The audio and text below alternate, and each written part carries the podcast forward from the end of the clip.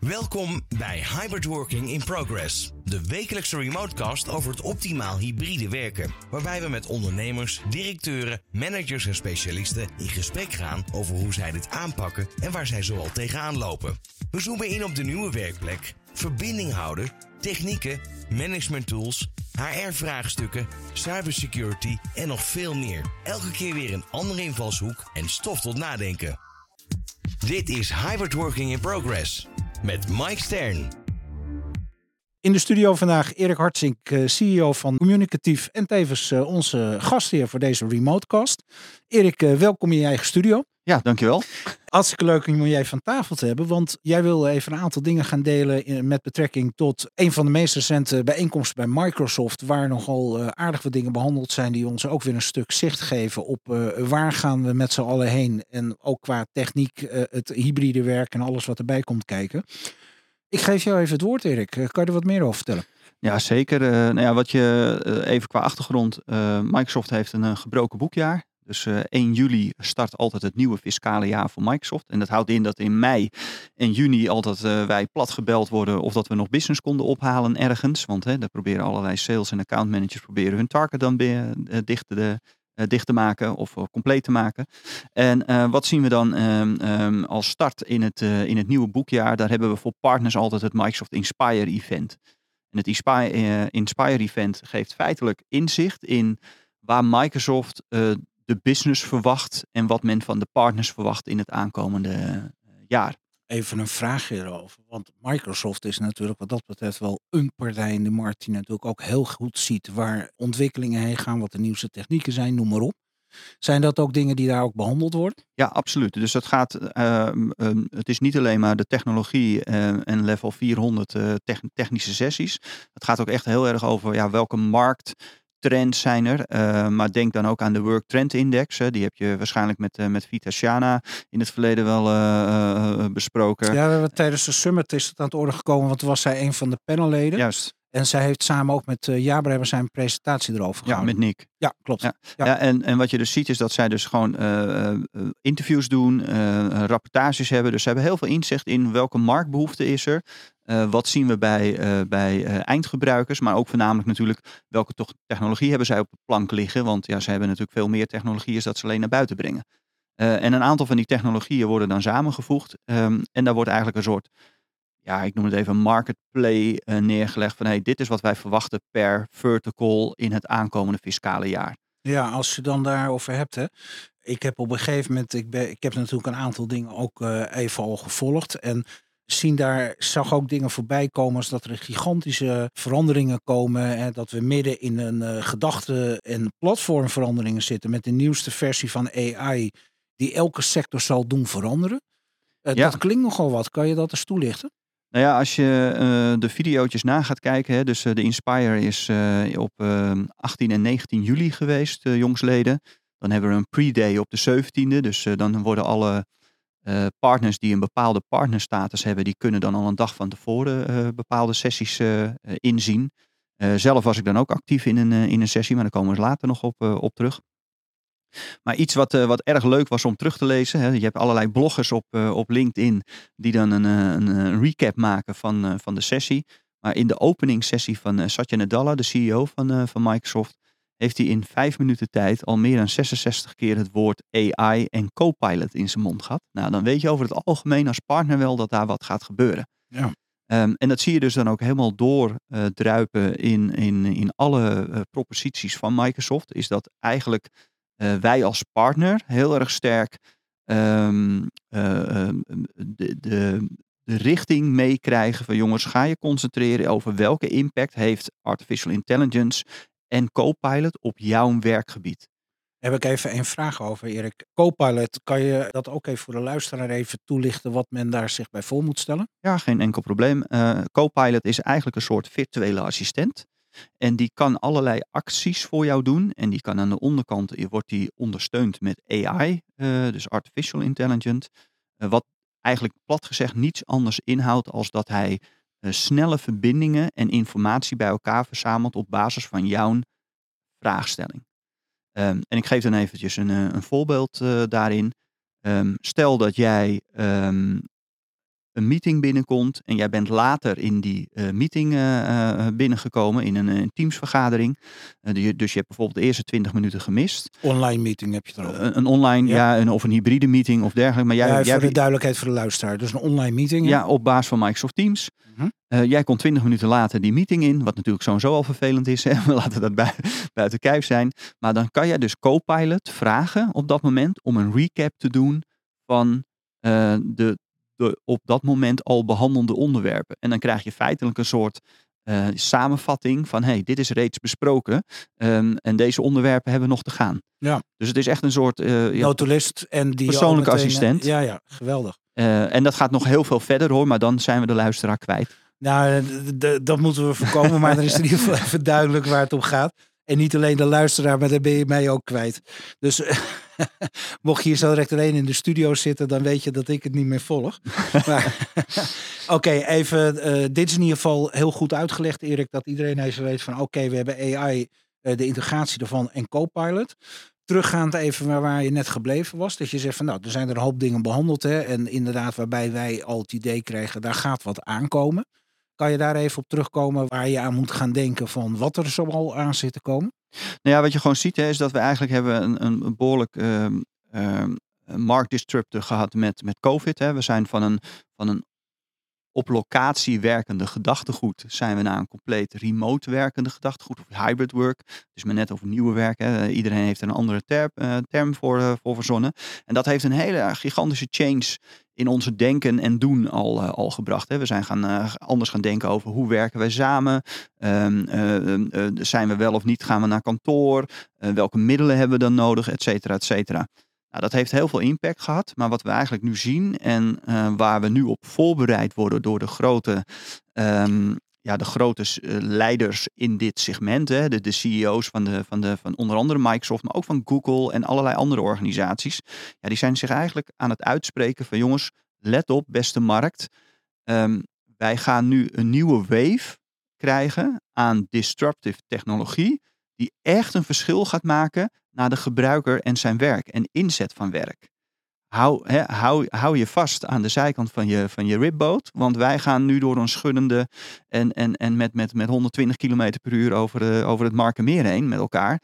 Want dit is wat er gaat gebeuren. Dus zorg ervoor dat jij als partner, ja, we noemen dat dan een play, je, je, je, je, je, je propositie goed hebt, maar dat je die propositie dus ook daadwerkelijk vertaald hebt naar wat er nu op ons afkomt als, als, als uh, wereld en als economie. En eh, is daar ook al iets over bekendgemaakt? Kan je daar al iets over vertellen wat er zo op ons afkomt? Of uh, mogen jullie daar nog niet over spreken of is dat nog niet vrijgegeven? Nou, gedeeltelijk uh, is nog niet vrijgegeven. Mijn nieuwsgierigheid namelijk Nee, dat maakt niet uit hoor. Nee, nee, nee. nee maar gedeeltelijk, gedeeltelijk is nog niet vrijgegeven. Uh, een gedeelte wordt vrijgegeven. Uh, ik heb ook een rol in de Partner Advisory Council. Dus daar, daardoor ben ik beperkt in wat ik mag, mag, mag uitspreken en niet. Maar wat je wel gewoon ziet in al die vraagstukken... is dat um, er een, ander, een andere skill level van ons als partner voor de maatschappij gevraagd wordt. Hè. Dus wat, je, wat, wat we eigenlijk zien is dat er gigantisch veel vragen in de markt zijn. Um, niet alleen bij eindgebruikers, maar ook bij, bij het management van bedrijven. Daar hebben we al een paar keer eerder over gehad. Uh, daar komt nu weer een disruptieve uh, technologie om de hoek kijken die weer impact gaat hebben. Terwijl ze eigenlijk nog ja, het net aan het ophalen zijn van, van hoe gaan we nou hybride werken goed laten landen. Dan komt er, komt er eigenlijk nog een laagje overheen. En dat houdt dus ook in dat wij als partner op een andere manier moeten gaan acteren. dus dus uh, ik noem het maar even de ouderwetse dozenschuiver. Ja, is voor Microsoft, in, uit, de, uit beeldvorming van Microsoft, is dat geen partner van de toekomst.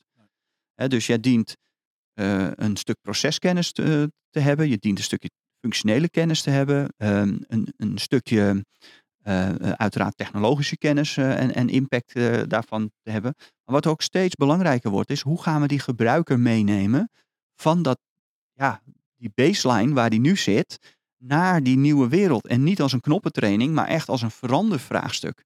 Ja, dan dien je dus als partner ook zelf dat te kunnen doen. Ja, meer dan logisch.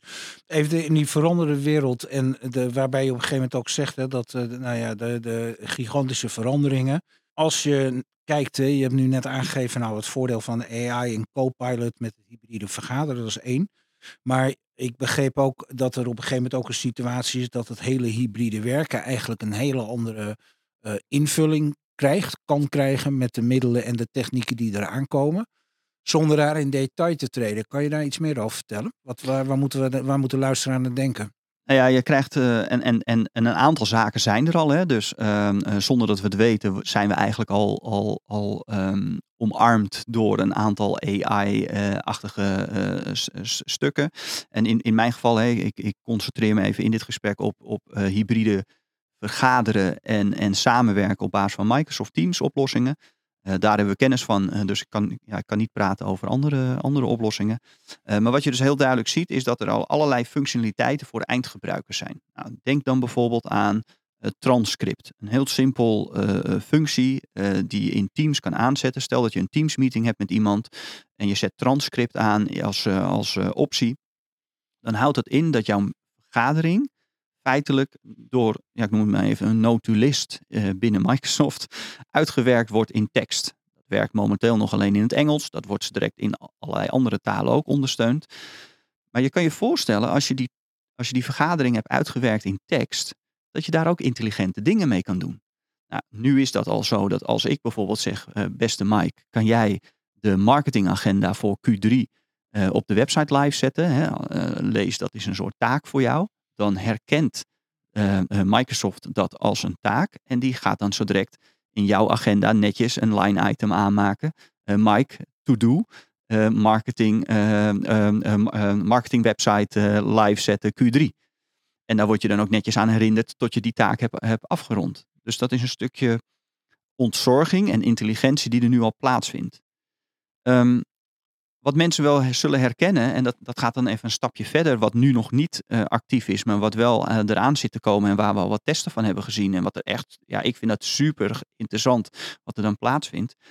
Um, iedereen kent het wel als jij in een vergadering zit, en zeker in grotere bedrijven, er wordt een, uh, een, een vergadering vanuit een vergaderkamer gedaan waar acht of negen mensen zitten. Dan heb je niet de, de mogelijkheid dat je aan de onderkant kan zien wie is wie nou in die ruimte. Dan moet je toevallig die mensen kennen, maar als jij met, in een bedrijf werkt met 2000 medewerkers, weet je niet iedereen bij naam. En op het moment dat jij een normaal een Teams-user bent, dan staat er ook netjes onderin onder jouw uh, gebruiker de naam. Dus weet iedereen wie wat heeft gezegd. Nou, wat, je zo kan, uh, uh, wat je zo gaat krijgen, is bijvoorbeeld de, de mogelijkheid om voice DNA op te slaan. Wat houdt dat in? Binnen jouw bedrijfsomgeving zeg jij dien jij een bepaalde zin uit te spreken. Die zin die wordt opgenomen door Microsoft in, eh, in, de, in de serveromgeving van Microsoft. Alleen binnen het bedrijf dan hoor, vanwege compliance oogpunt. Um, en daar wordt een soort DNA-profiel van gedaan. Um, en ik denk dat iedereen Shasham wel kent. Hè? Als jij een, een, liedje luistert wat jij niet kent, maar wat je wel wil weten, dan klik je op Shasham. En Shasham die gaat dan luisteren en die geeft je dan, hé, hey, maar dat is dit liedje en die staat daar op Spotify. Ja. Nou, dit is een beetje dezelfde technologie. Die weet dus dat, dat mijn stem bij Erik Hatsink hoort. En op het moment dat ik dan dus wat in een meeting heb gezegd of in een meeting ga praten, ga je dus ook zo direct gewoon een pop-upje zien. hey, dit is Erik Hatsink die praat. Of in dat transcript, dit is wat Erik Hatsink heeft gezegd. In plaats van meeting room 4. Terwijl je dan maar moet gaan uitzoeken wat is meeting room 4 en wie, wie zaten daar dan in en wie zou dit dan gezegd kunnen hebben. Ja, ja.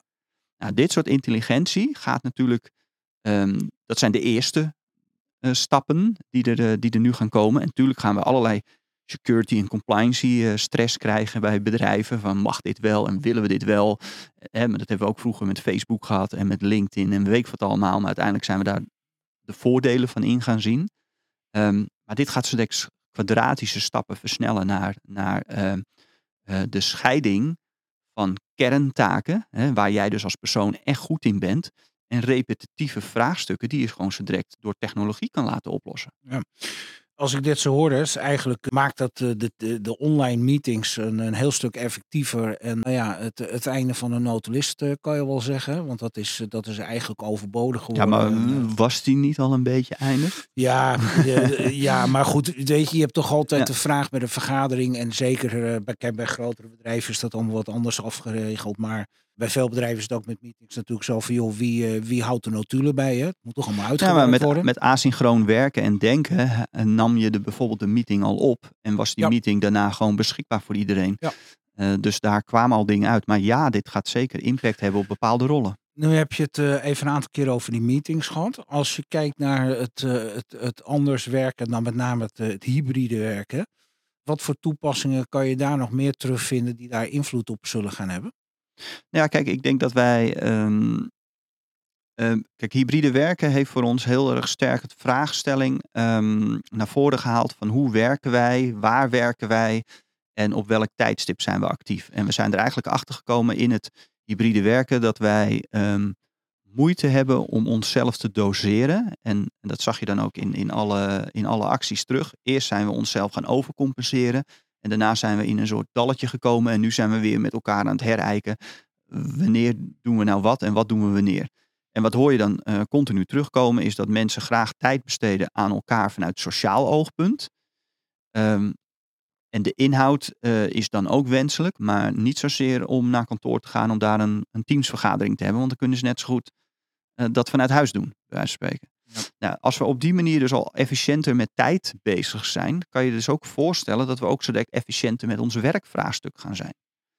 En als wij, hè, en, en, en, iedereen weet het met AI, want iedereen uh, die een beetje met technologie bezig is of dat interessant vindt, die heeft de afgelopen maanden wel ChatGPT al dan niet op het nieuws of in de krant of waar dan ook gehoord.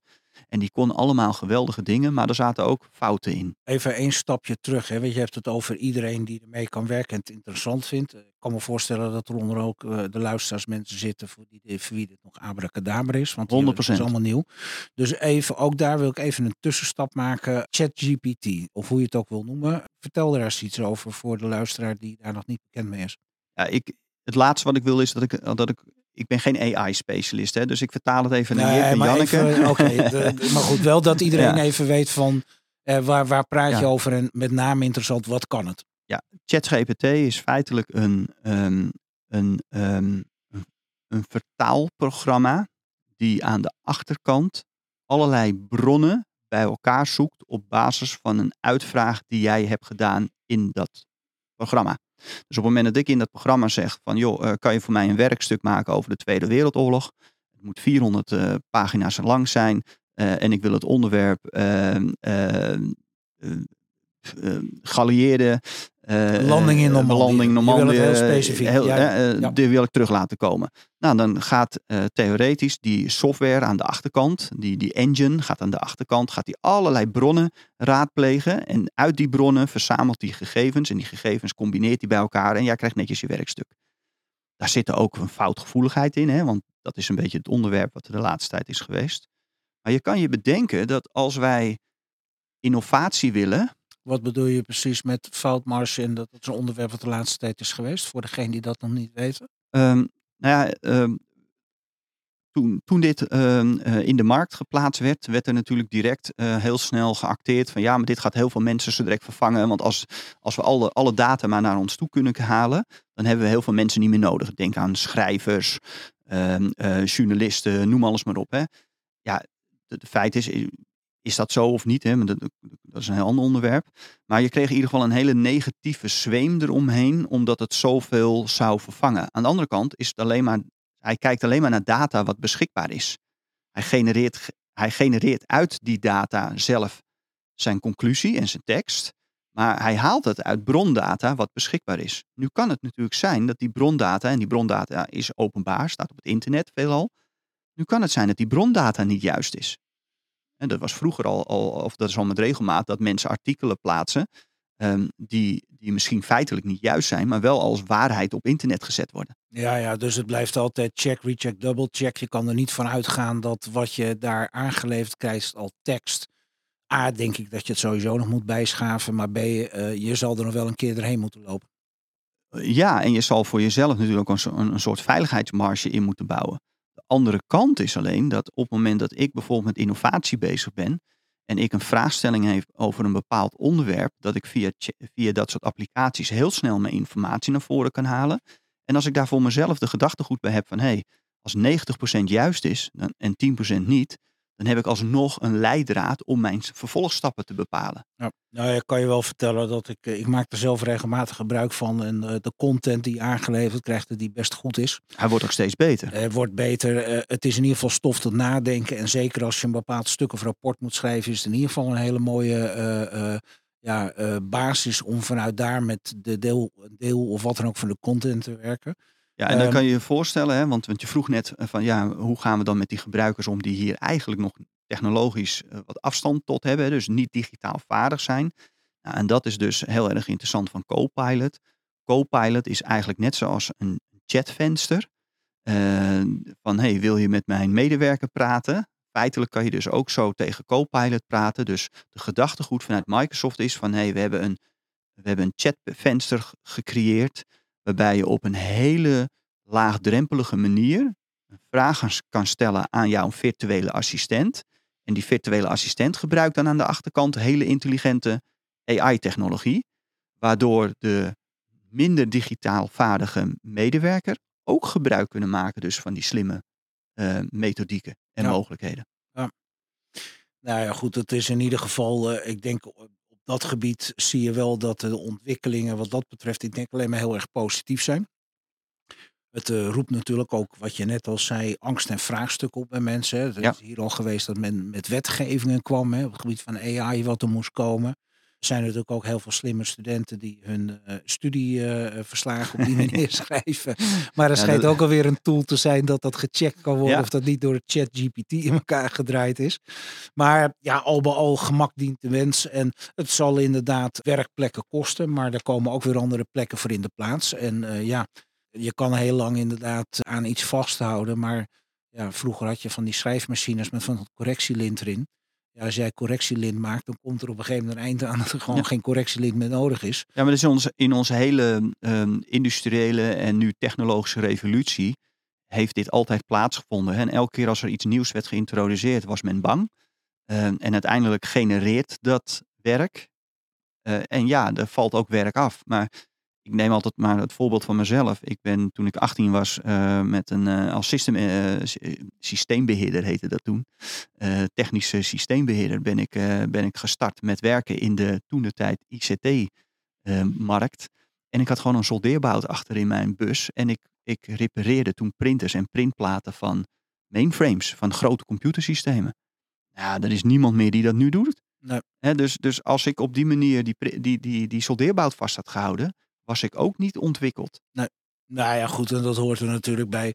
Je ziet wel uh, daarbij dat, dat daardoor is natuurlijk heel wel hè, van de komst van deze nieuwe technieken en technologieën, dat er in de aankomende meer, ja, periode meer en meer werkzaamheden kritisch bekeken zullen gaan worden. Ja. Nou, dat is op zichzelf ook, uh, ook helemaal niet mis, want ik denk, ik verbaas me soms wel eens hè, als je naar hele grote organisaties kijkt, wat duizend mensen in een pand de hele dag aan het doen zijn. Hè, met alle automatisering die er is tegenwoordig. 100 dus procent, ja. Ja, ik zie jou een beetje lachen, maar het roept me denk ik bij meerdere mensen vragen op. Ja, maar er zit ook een, een legacy achter. Hè, en dat is ook iets wat ik continu probeer aan te geven. Ik denk dat heel veel grote bedrijven worstelen met uh, locatie, uh, facilitair.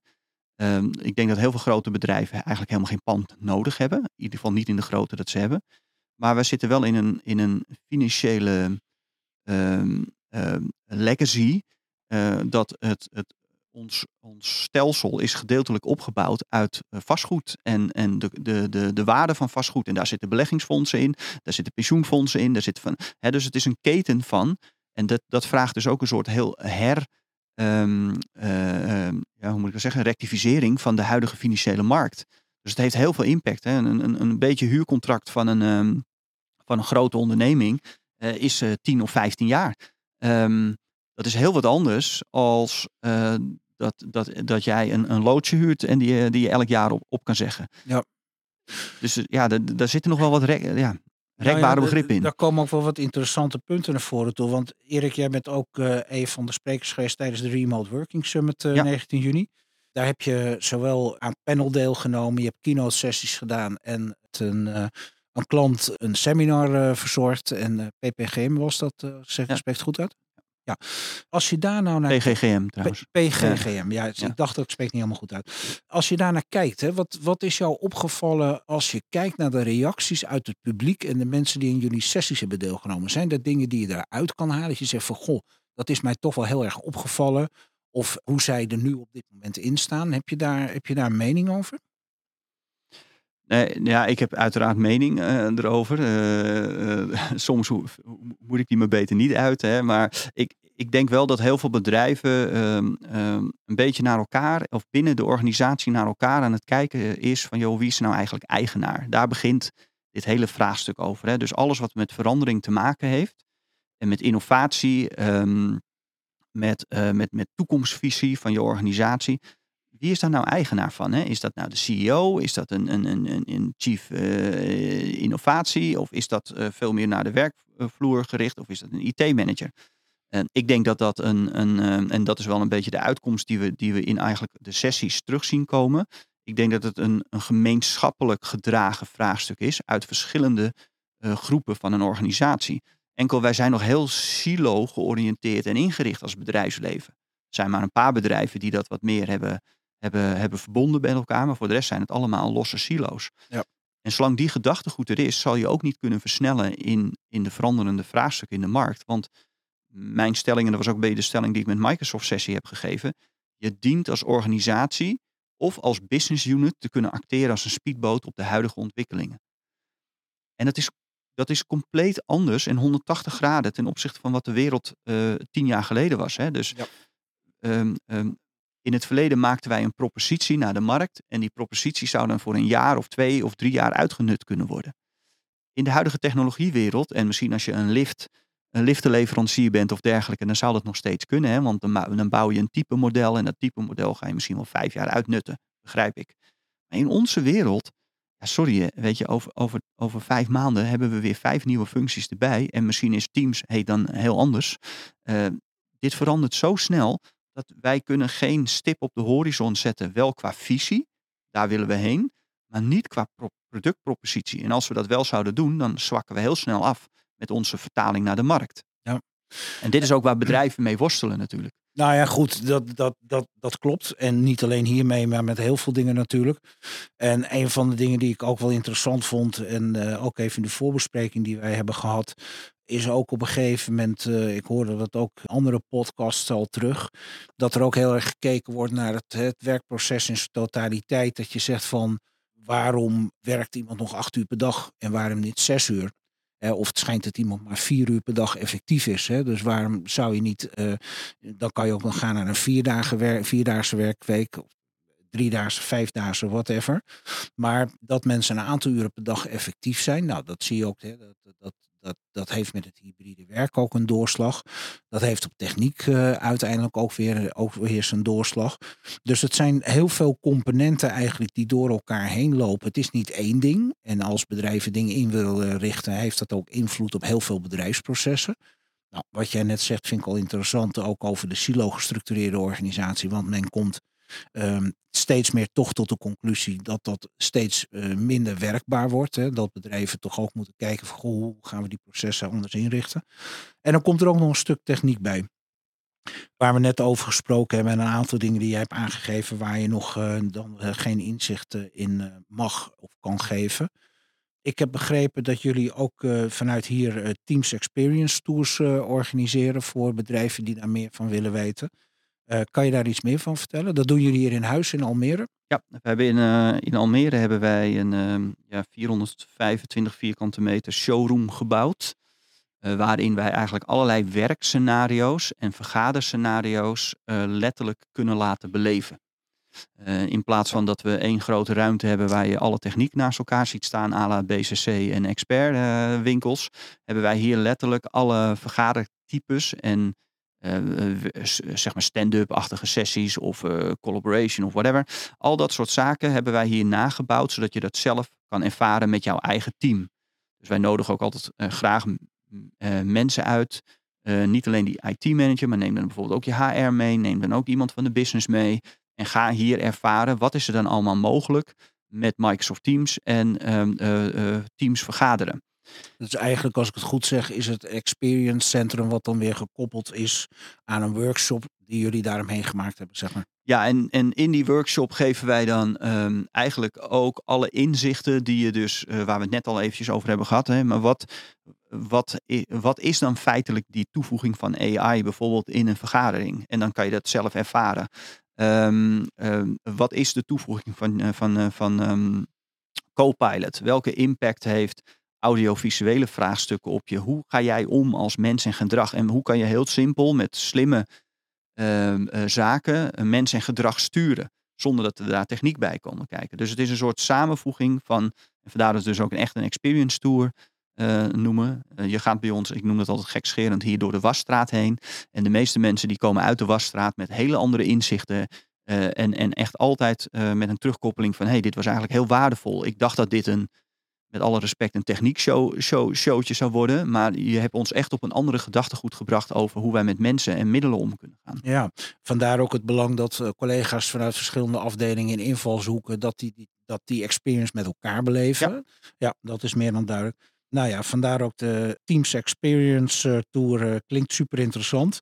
En ja, voor een ieder die er geïnteresseerd is, kunnen ze bij jullie op de website op communicatief.nl meer informatie terugvinden, neem ik aan. Ja, en we doen nu sinds één keer per maand, nodigen wij dus ook klanten van ons uit die dus aan de voorkant van zo'n experience sessie zelf een verhaaltje doen. niet alleen wat ze dan hier hebben meegemaakt, maar ook daarna als wij met hun de, de levering hebben gedaan, als ik dan even zo mag zeggen. Welke impact heeft dat gehad voor hun in de organisatie? Uh, uh, welke eye-openers zijn er gekomen? Hoe gaat de organisatie daar nu mee om? En even uit mijn hoofd, in september hebben wij bijvoorbeeld René van Sunweb bij ons, die dus gaat vertellen hoe de, de, de, de middelen die daar geplaatst zijn en de aanpak die wij doen, hoe dat impact heeft op hun bedrijfsvoering. Oh, super interessant. Nou, nog een hele hoop over te vertellen en te leren, Erik. En we zijn natuurlijk heel erg benieuwd wat er dan inderdaad voor meer ontwikkelingen aan, aan gaan komen. En binnenkort hebben we jou ook weer uh, in de volgende podcast sessies met meerdere gasten in de studio aan ah, tafel. Superleuk. Dus daar horen we heel graag meer. Tot zover in ieder geval bedankt Erik voor deze toelichting. Nog een hoop te ontdekken en we zien je graag binnenkort terug in de studio. Dankjewel Mike. Jou ook. Leuk dat je weer hebt geluisterd. En volgende week zijn we weer met een nieuwe Remotecast. Heb je een aflevering gemist? Of wil je zelf deelnemen aan onze live events en netwerken? Kijk dan voor meer informatie op remoteworkingsummit.nl. Deze Remotecast wordt mede mogelijk gemaakt door Communicatief.